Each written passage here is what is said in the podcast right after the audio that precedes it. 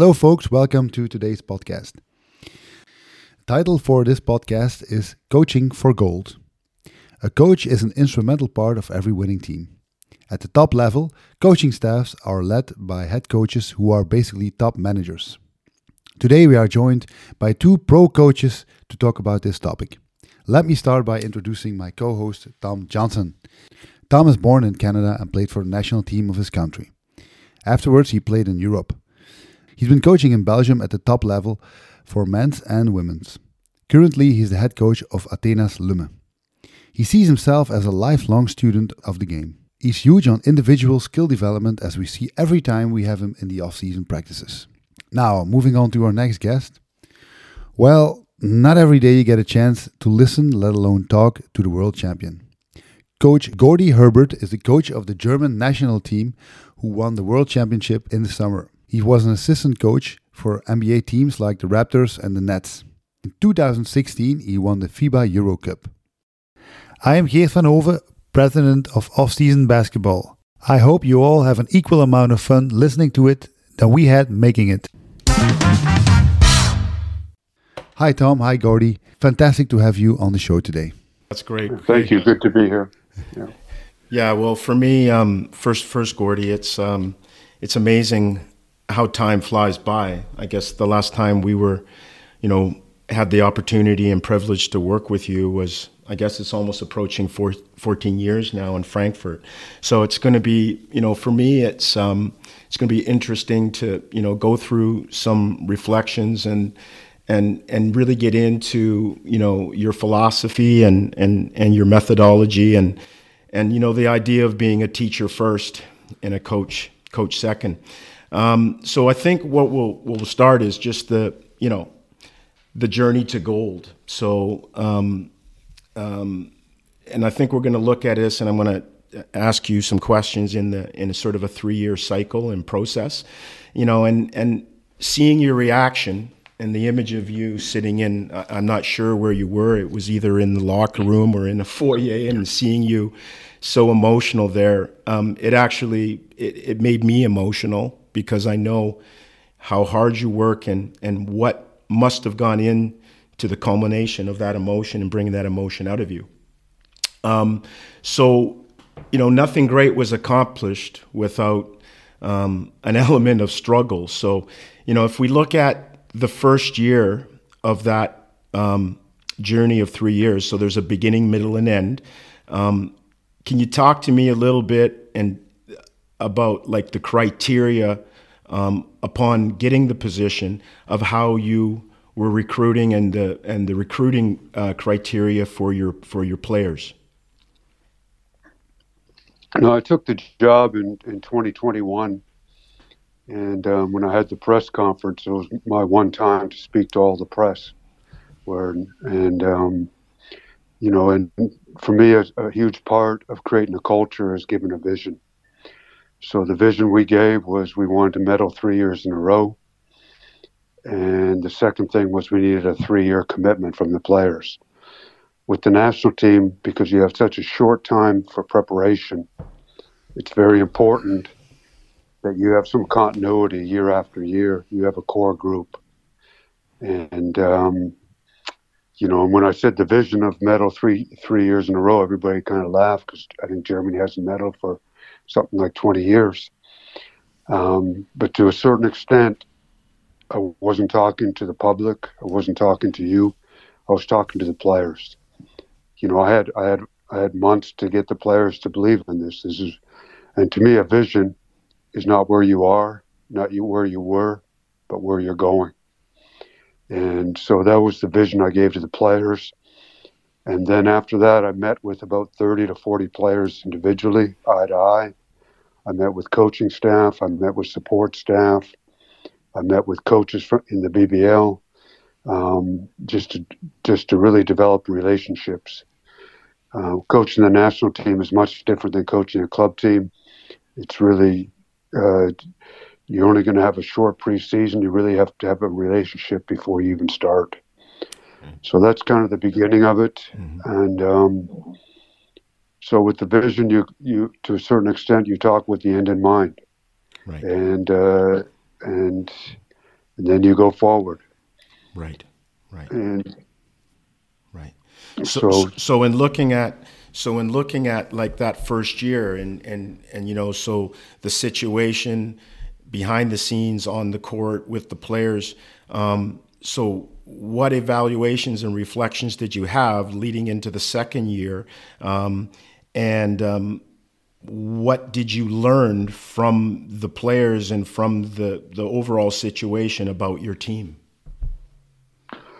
No, I really believe in adversity, and um, you know, with adversity, you can do a bunch of different things. But the main thing is you you you look in the wind, you look in the mirror, you take ownership of it, you embrace it, you lay ground. Right, right, right. No, my first my first year coaching, we lost in the windows to Stony at home, and um, you know after that, I think we won seven or eight in a row. A huge thing for it, how we won the World Cup, um, was losing the game to to Spain in the semifinals of EuroBasket 22. I don't think we would have won the World Cup if we would have not lost that game. I think we learned a lot from that game. We embraced it, and that really helped us going forward in the World Cup after beating United States in the semifinals. That uh, we did not have a letdown, and we went forward. So, I mean, we've had some adversity along the way uh, with games, with players, but uh, adversity builds, and nobody gets where you're going to get to without adversity. So it's like a stepping stone. The, the adversity, you use it as a fuel to get better. Well, it gives you a chance to get better. It depends how you. It depends how you embrace adversity. Right. Um, you know, do you do nothing? Do you look out the window and and uh, blame others and make excuses, or do you embrace it and take ownership of it? I mean, it's up to us how we do it. And uh, you know, so many people make excuses and they blame others, and uh, and so you know, they're they're they're stuck, so to speak. Mm-hmm. And um, for me, I use the term an escalator coming down. You're walking up an escalator. There's adversity. What are you going to do? Mm-hmm. Are you going to keep walking and keep fighting through it, mm-hmm. or are you going to stop and blame others, and you end up going down to the bottom? So in this way, you you can learn more, or you do learn more when you lose.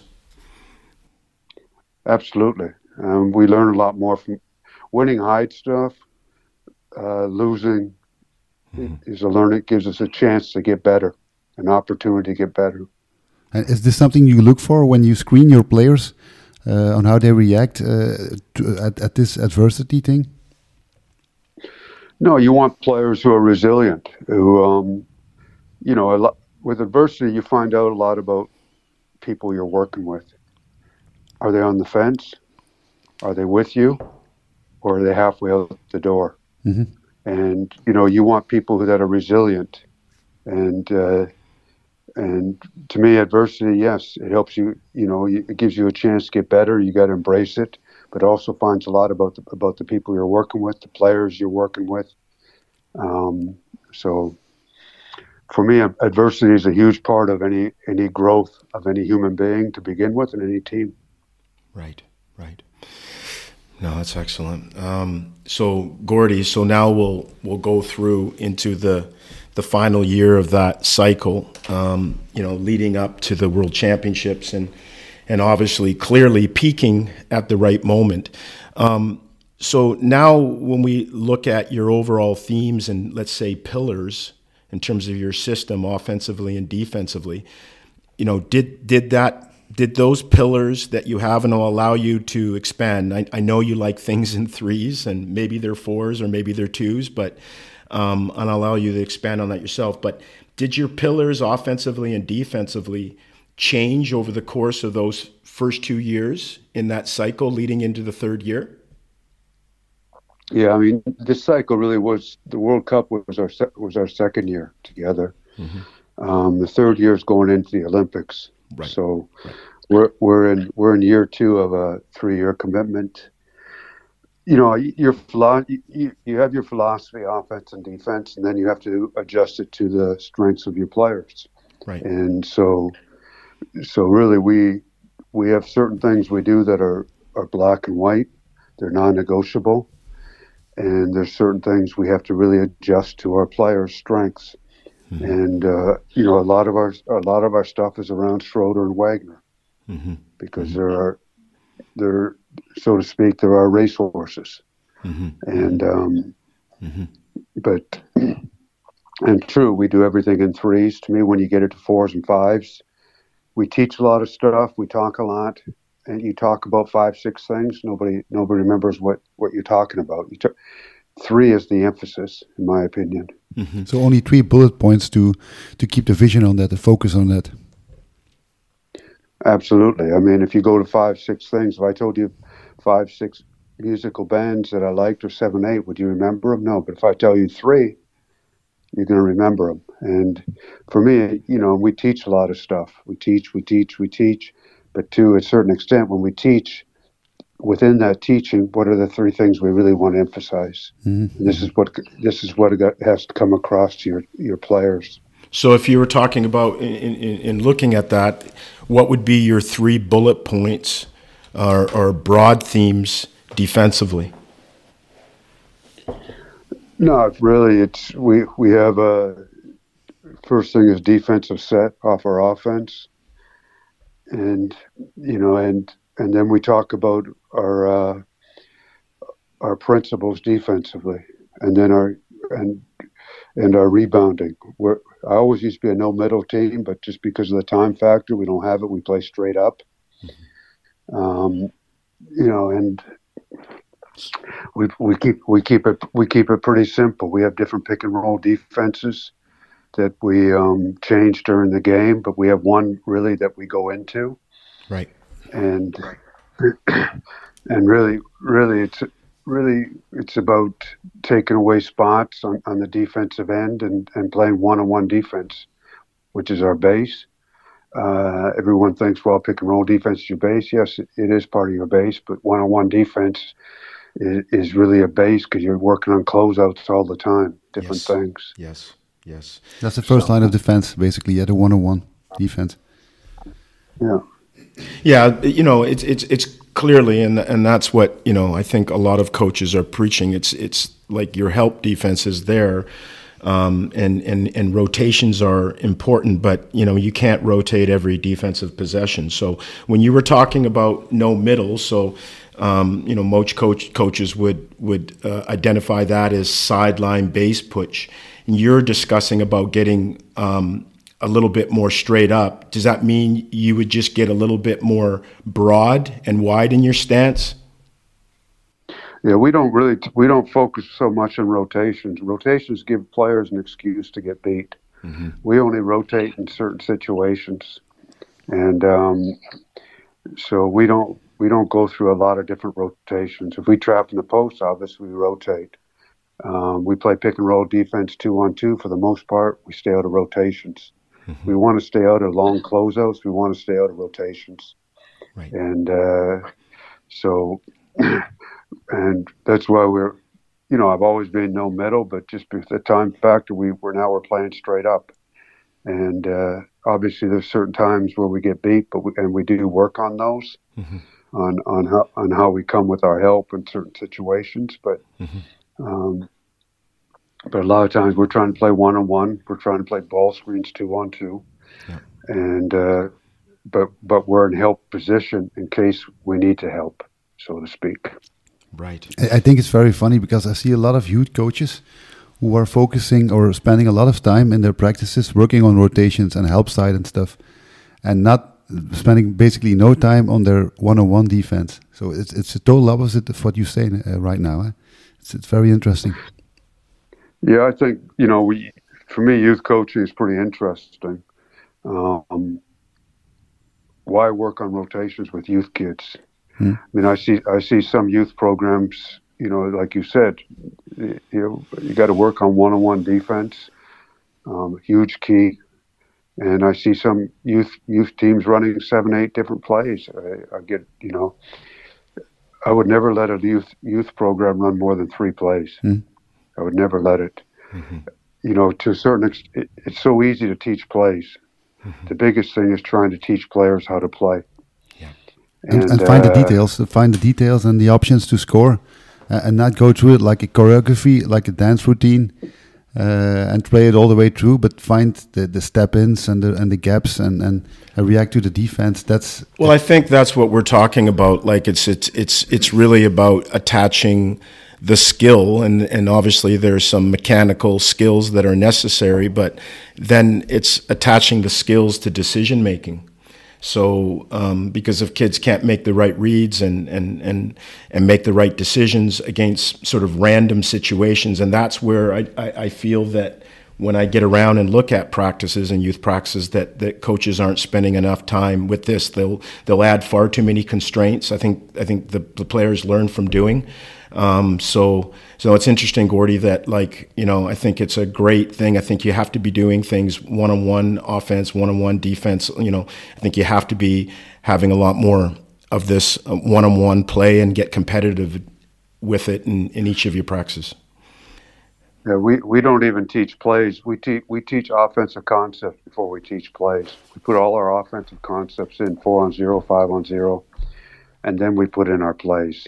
Mm-hmm. Um, so, and our, our philosophy offensively is yes, we run organized stuff, but when we have advantage, now we're out of it, and now we're playing with concepts. Yeah. And, you know, and getting back to the youth question, I mean, I see youth teams playing five on five. I mean, one kid or two kids touch the ball, three kids exactly. never touch the ball.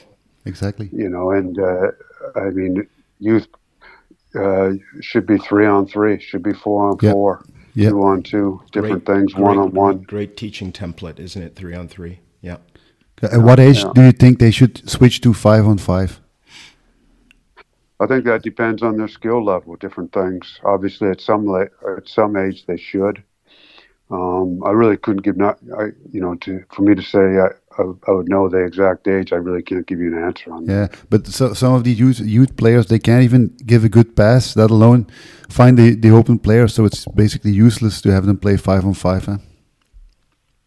Well, they, you know, they we we need to teach fundamentals, and uh, we even get players at the pro levels that passing's a lost art, mm. and. Uh, you know, and that's why we teach offensive concepts, and that's all I would do with a, a junior program: teach offensive concepts, of which works on spacing and angles and passing the basketball. Yeah. Yeah. yeah. and I and I and I and and that's my memory of working with you, Gordie, and then you know being in other environments that, you know, and working in concepts and you know and breaking things down in in in small groups and big groups, and then combining those two two groups in either you know three on zero or three on three or four on zero and four on four. It it, allows there's not enough mechanical repetition of all these different decision makings and you know the the passing mechanics that go involved in this. So I think creating ways to get. Would you agree that creating ways to give more repetition in these things is the is is very important?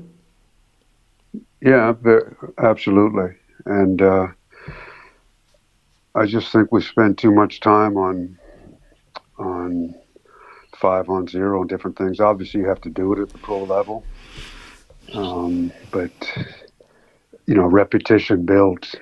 Yeah. Okay. So so that actually segs, segues nicely into the the next um, block of questions. So um, obviously, we know it's challenging. Um, you know, it's a short period of time as you, you go into you know a, a, window situation, either it being a you know a, a, couple games or one qualification game or or um, you know a high level tournament. So let's say in a in six or seven day window week, um, and you're centralizing. Like, can you talk to us a little bit about like how you um, uh, introduce your systems and maybe just talk about the um, the, te- the you know the practice template yeah, I mean, basically, what I do now, I did I did very little, if not anything, five seven years ago. To a certain extent, in this job or any job, the landscape's changing all the time. To a certain extent, we have to recreate ourselves. It doesn't matter what we're doing in life or coaching or different things. Um, when I start a window, we only have two and a half days of practice before we play. And I still teach offensive concepts before I put in place and we spend at least a day and a half on the offensive end before we even get to the defensive stuff because mm-hmm. it takes longer to get your offensive things in. Um, you know, I used to do the exact opposite when I started coaching. And uh, so we do offensive concepts, four on zero, five on zero. We work against any pick and roll defense, mm-hmm. five on zero, what we're doing, exactly what we're doing. And then we put in three plays. That's it. And then big on special situations. Um, we got baseline two seconds. What are we doing? We have to know this. We don't have to. We can't be in a situation where we take a timeout all the time. And then and then we put in our defensive system. Very simple we score, we here, we miss, we're here. And this is what we're doing in the half court defense. Real simple. Mm-hmm, mm-hmm, and mm-hmm. Uh, and to a certain extent, we don't have much time to get get it. We got to keep it simple, stupid, and and to a certain extent, you got to say, what two or three things do you want to do great? Yeah, you can't do you can't do everything great. Yes, yes, yes. That's excellent. Okay. Um, so in terms of your um, your resources, so um, I'm not quite sure how many assistant coaches you have on staff, but let's say you have three or four assistant coaches on court. Do you divide roles and responsibilities based on obviously?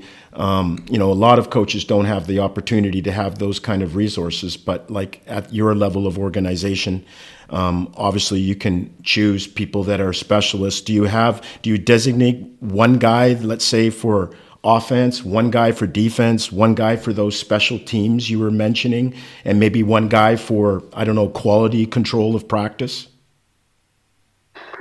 Yeah, we have three assistant coaches, and we have one person who does analytics and um, and video helps out in that area and the assistant coaches do video, and we they alternate scouts, mm-hmm. and they all have one one assistant coach is, is more responsible for defense, the other for offense, and the third one is kind of a um, he takes care of a lot of little things, yeah, and uh, he kind of works in between these guys a little bit and and be with me. So that's how we and that's how we break down the video afterwards. Um, you know, the, the coaches dealing with the offense would have our offensive video, and coaches dealing with the defense would have our defensive video. Right. So, right. So that's how we deal with it, and uh, and coaches have a big part in practice. We do a lot of group things where we have different group three three different groups rotating and going through things some, when we're teaching things. Mm-hmm. So I, tr- I try to give the coaches a lot of responsibility in practice that they're doing things. Mm-hmm, mm-hmm, mm-hmm. And did you have that? Our, co- that, our coaches, co- our coaches meetings, our coaches meetings are actually a lot longer than our practices. And yes. In our coaches meetings, we we have the philosophy. We go in there, we can agree or disagree. Yeah. Um, you know, I like coaches who have an opinion. I like coaches who are creative. I like coaches who can think outside the box a little bit. Yep.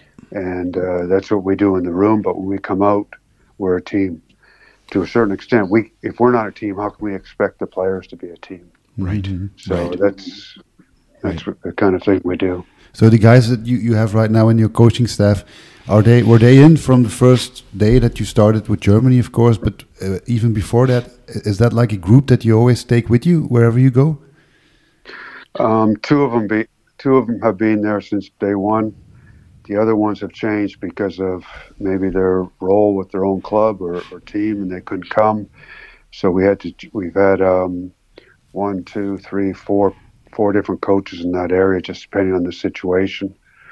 Like in the windows, and some coaches can't come in the windows mm-hmm. um, because of their team situation. Or we have one coach who's from the NBA, and um, obviously he can't come in the windows. Yeah. Um, so and but yeah interesting okay but yeah um so just want to kind of shift um, into the next sort of block topic so we've already talked a little bit um, about player development in the previous uh, blocks but um, so for you gordie like when when does player development actually begin? You know, I, I, I remember my reflections are is you know the big thing is just the buy-in of the player.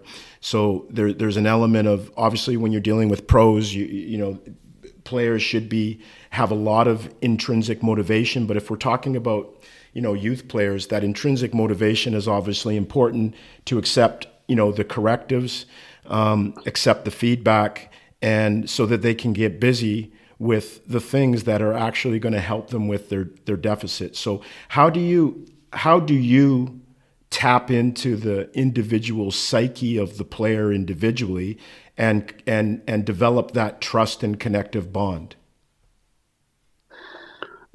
Yeah, for me, it starts from if you start in the preseason, it starts from day one. If we start in the preseason, we look, we say three things: we're working on offensive concepts, we're working on one-on-one defense, we're working on player development. That that's the, how we start the preseason, and that goes for about ten days. We don't get into any really um, different things, but for me, player development starts in the summertime, right after the season, uh, with the players you have. I have I bring them in. I talk to them a little bit. I have them fill out a form. I want to get their insight, mm-hmm. and uh, you know, to a certain extent, our being as players depends on three things nature, nurture, and the investment we make in our own self development. Yep. The third one we can control. Mm-hmm. So, and I want I want to hear what they think they need to work on. And mm-hmm. usually it's the same when I, when I make them think, and then it's usually the same things I go through. We talk about basketball skills, physical, mentally, different skills, and um, but I want them to think about this too, and them to make uh, you know, what do they think they need to work on in their own self development, and then we go forward. Yep. And yep. me, individual skill development is huge because one, it gives them more confidence. Mm-hmm. You can be much more successful in individual practice than you can in a team practice. Yep. And two, it gives you a chance to develop a, a, a, a much better relationship with them. For sure, for sure. And do you implement your assistant coaches in that too, or how, how does that work? Yeah, I mean, the assistant coach, I would oversee it, but I take care of, I, I do some of the individual work myself, but uh, my assistant coaches do most of it actually. Okay. And, um, mm-hmm. but, but I will do, I will do some too because it gives me a chance to interact with the players in a different way than a team practice. Mm-hmm. Yeah. But, but, but, but this is all planned out with, with coaches and physical coaches and different things. And, and then we, a lot of times we'll split into groups of, of this coach has three players, another coach has three players, that kind of thing. Yeah, that was my reflection. That's what I remember about the experience in Frankfurt with you. It was like, I remember the first meeting, it was like, okay, how can we make these individual players better?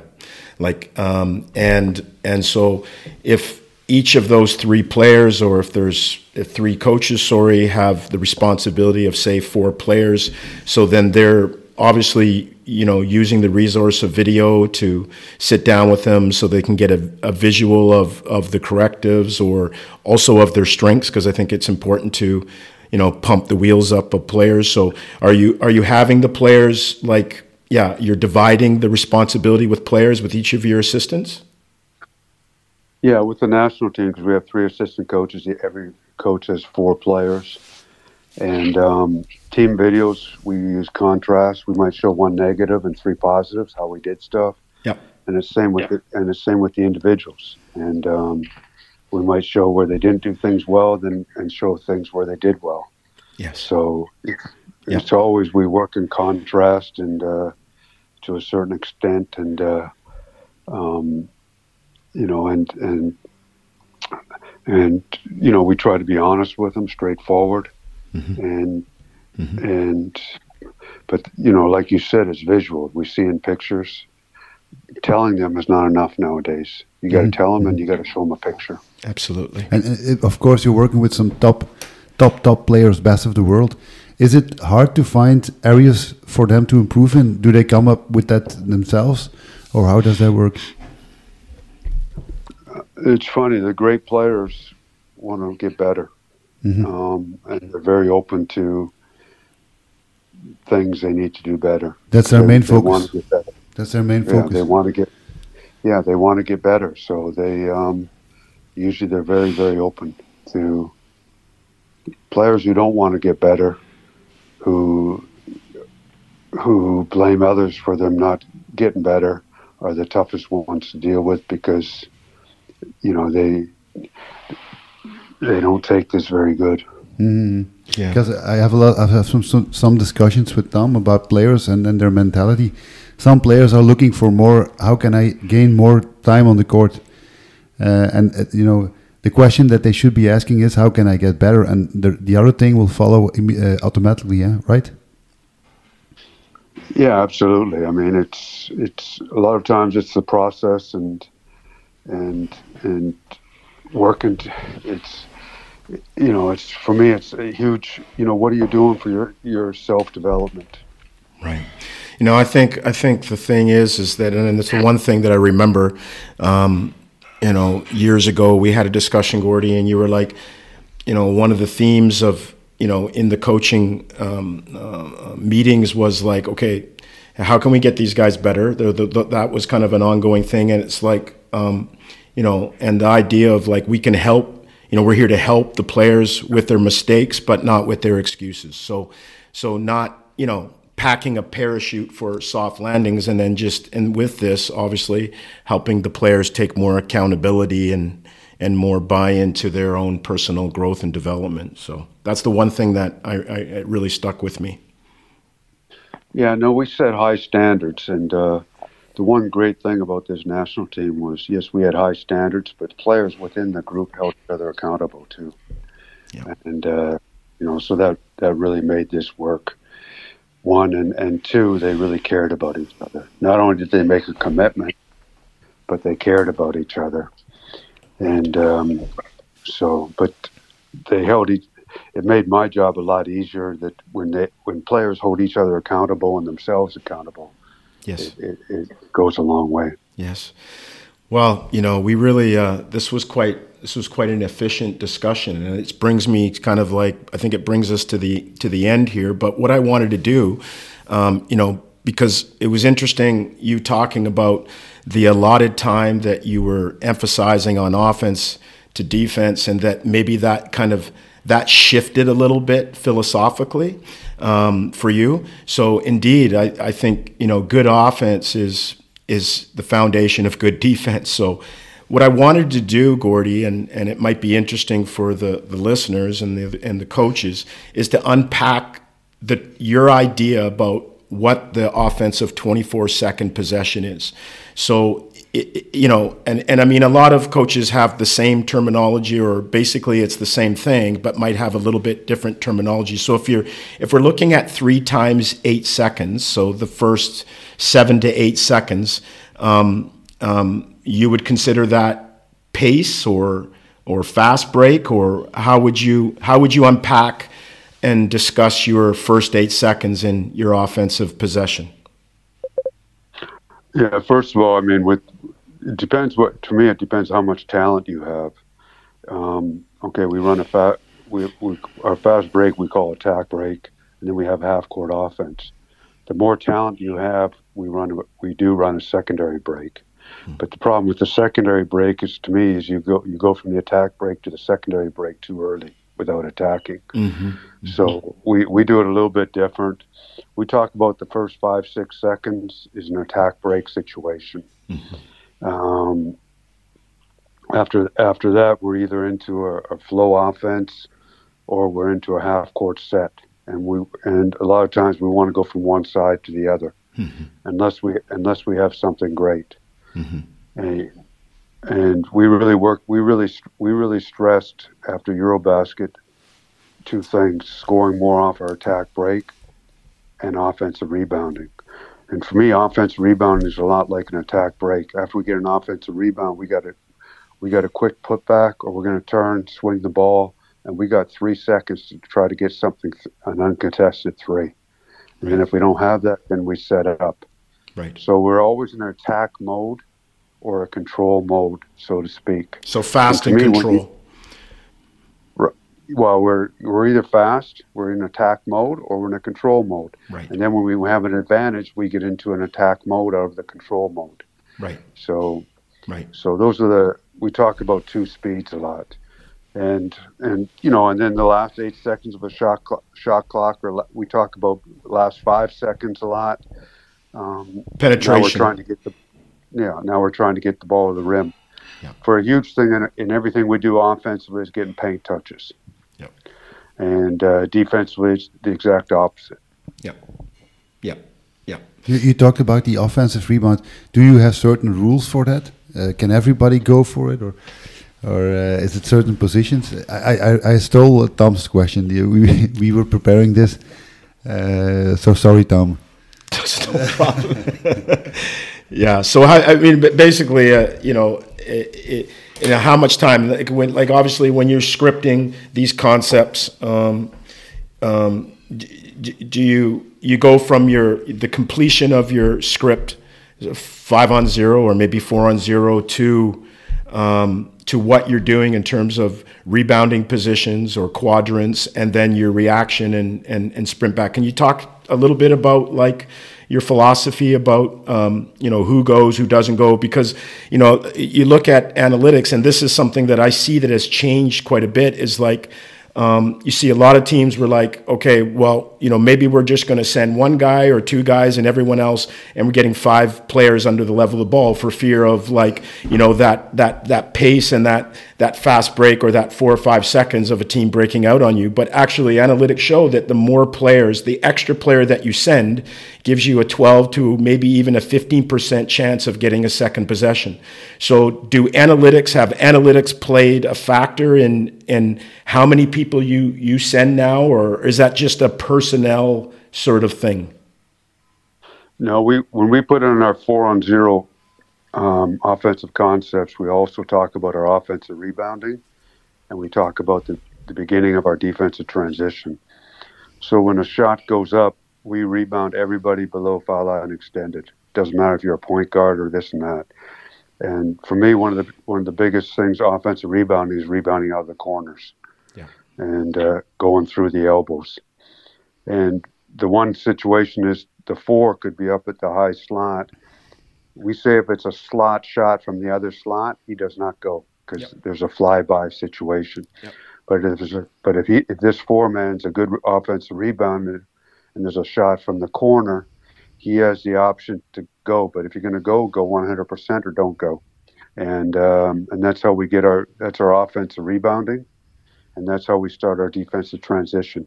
The players in the slots are are the key for getting back in yes. our in our defensive transition. So, yeah. I mean, th- to me, this is to me this is black and white, and um, mm-hmm. this is this is what this is what we do from day one when we put in our offensive concepts. So when you're in the corners and there's a shot taken from either the opposite side of the floor, whether it be a slot or from the other 45 or corner, what does the offensive player in the opposite corner? So is he is he reacting and sprinting back to that ball side elbow, or is he just back? Is he just straight back? No, we're we if we shoot from the slot, we're offensive rebounding. Yeah. yeah. We don't. Uh, I mean, I I like to get three guys on the offensive boards. Sometimes you might only have two. Right. Um, but ideally but three. Yeah. Re- right. Offensive rebounding changes the games. Scoring off your defense changes games, and uh, so we focus a lot on offensive rebounding. That's one of our keys. Is is um, in our any any video session. One of our themes we go through, and uh, for me, it's just an attitude. It's an effort effort play. It's an atti- an attitude. So it's bon- it's bonus you know, it's bonus time. well, a lot of a lot of shots bounce out and go through the elbows. So yes. even the corner guys, we say we say you're not going to get to the rim. You got to go through the elbow. Go there. Now we have a yep. chance to run down an offensive rebound. Long so, one, long one. Yep. Yeah, yeah. I'm, I'm, a little surprised uh, uh, if I hear this conversation because most coaches that I've worked with Eh, and that I, I, spoke with, eh, I, I speak with, uh, are very defensive minded. And I think maybe that comes a little bit of out of fear of, of wanting to win, a little bit out of fear. Where you say now you you start with the offense, and you go a lot, put a lot of emphasis on the offensive rebound, which is basically starting for op creating opportunity. So I think it's really cool uh, that at that level that you can that you work like this. It's not what I was I'm used to to hearing.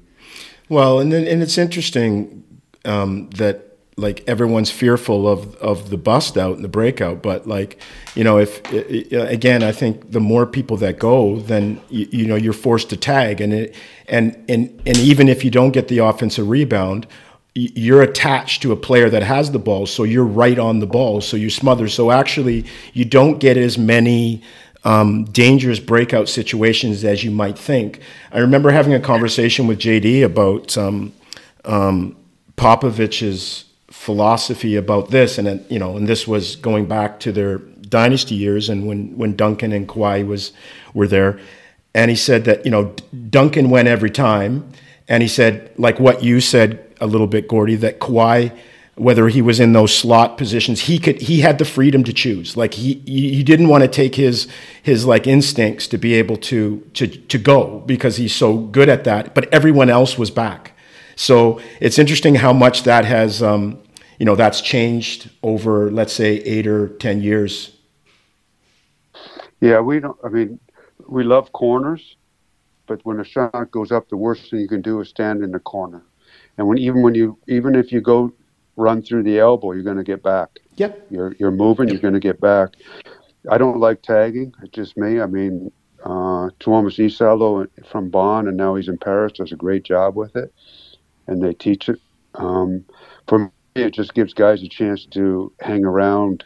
I think if you do it, you have to really, you have to really be. I mean, you have to do it. He he worked on it for two years, and he did it. He did it great in Bonn. But I've seen some teams try to copy it in the German league, and they it doesn't look good. Right. So, for my philosophy is we we score, we have a pickup point. If we miss, we're back inside the three point line, and then we build. It's really simple. We're right. not hanging around. We're moving.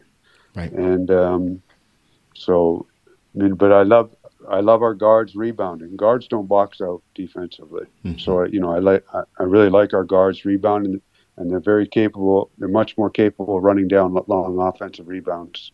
Right. Right. Well, you know, this has been uh, a great a great conversation, and I think maybe the best way to to end it is um, by just asking you now, leading into Paris, like what are the you know what are the goals and the ambitions after the results of the World Championships?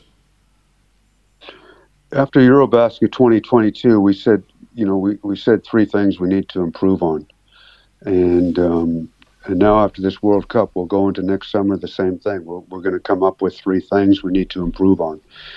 Um, we can't be satisfied where we are. We got to understand if we want to, if we want to um, medal or, or in, in, Paris, we're going to have to get better.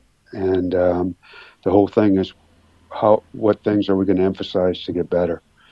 And to me, to a certain extent, it's like you know, are we are we climbing up the mountain or we're going to be on the beach? And we've got to keep climbing. We got to keep moving, and um, so, but that's you know that's our job as coaches, and uh, mm-hmm. um, and if we just go in like uh, say we're not going to get better, we're just going to do this and this, we're, we won't we won't reach the podium. Yeah, well, you got target you you got targets now. You got you're in the crosshairs, right? So so with that, I guess it's uh it gives you an impetus for everyone. It sounds like the chemistry and the resolve is is on a high, high level and lots of confidence. So it's going to be a fun challenge.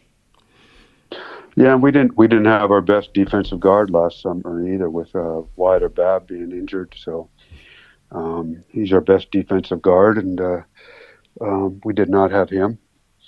Um, but basically, I see us uh, having the same team we we we cut Leon Kratzer just before the tournament, and uh, he was probably the best five man in the German league last year. Which is he deserved to be on the team. It was just a matter of numbers and, and what we needed to have. So, um, you know, I, I could I could see maybe one or two players changing, and it all depends on who's healthy, who's not healthy. And, Mm-hmm. and going from there. Mm-hmm.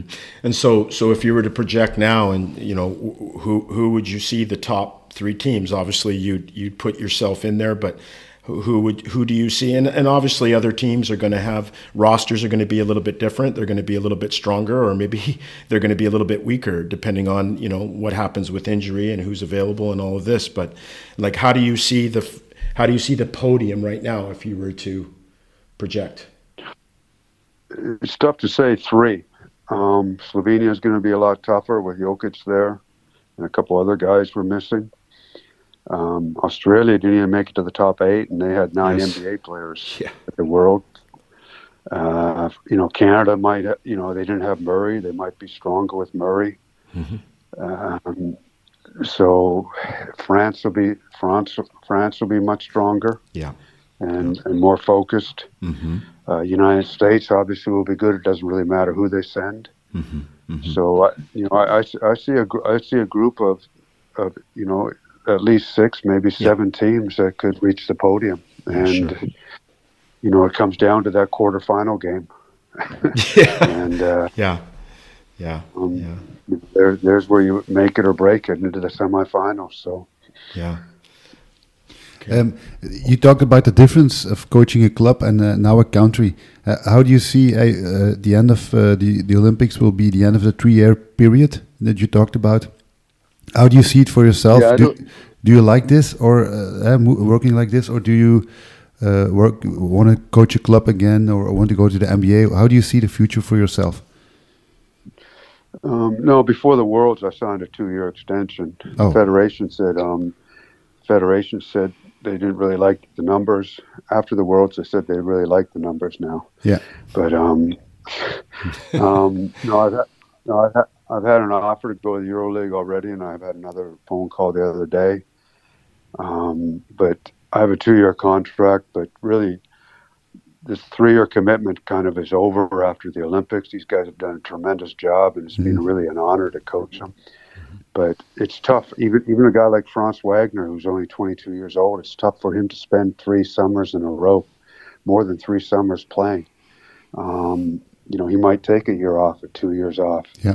And I think some of these other guys might take a year or two off too. And maybe, you know, so it, it's tough. I'm really not going to get into it with the players. I mean, I just want them to finish this third year, and, and we've had a great two years. Let's finish it up. Yep. But I, I don't, ex- I don't expect a lot of these players to keep playing. Um, you know, the Eurobasket is is next, and they've done Eurobasket. Um, then there's a, a year without anything, so it means some of these guys might not do this for two years, but they might come back for the Worlds. Yeah. Um, but we have a young group coming that's pretty good. Um, a young group that did not make this three-year commitment, that did not make this team. So I think the future is bright for Germany. Um, myself, um, I'm not really sure what I'm going to do. Um, if this, if this, at the end of the three years, I'm finished, or I'm not sure. Well, I'm sure you're going to have options. So, um, as long as you're you're still you're still walking, that you won't be walking in a walker. How are, how are you doing physically now? Uh, doing great. I mean, actually, this job's been tremendous for me. I don't have to wear and tear every day. Um, you know, I go swimming in the morning or go to the fitness room, show up at the office for one or two hours, go home, go Nordic walking, watch games, talk to people. So it's it's actually the job's been really, you know, when at my age, the job's been great, Yeah, and uh, especially you know dealing with these players, has just been outstanding. Um, yeah, just a special special group of individuals who you know want to represent their country. It's been That's really it. special. yeah. Well, I just I just want to say it's been a it's been a pleasure to to speak with you, and and obviously we're going to have some conversations like outside of this. But it, thank thanks so much for um, taking the time to speak to me and and speak to um, to off season today, Gordie. Thank you very much. Pleasure. See you soon, Gordie. Thank you. Bye bye. Bye bye. Bye.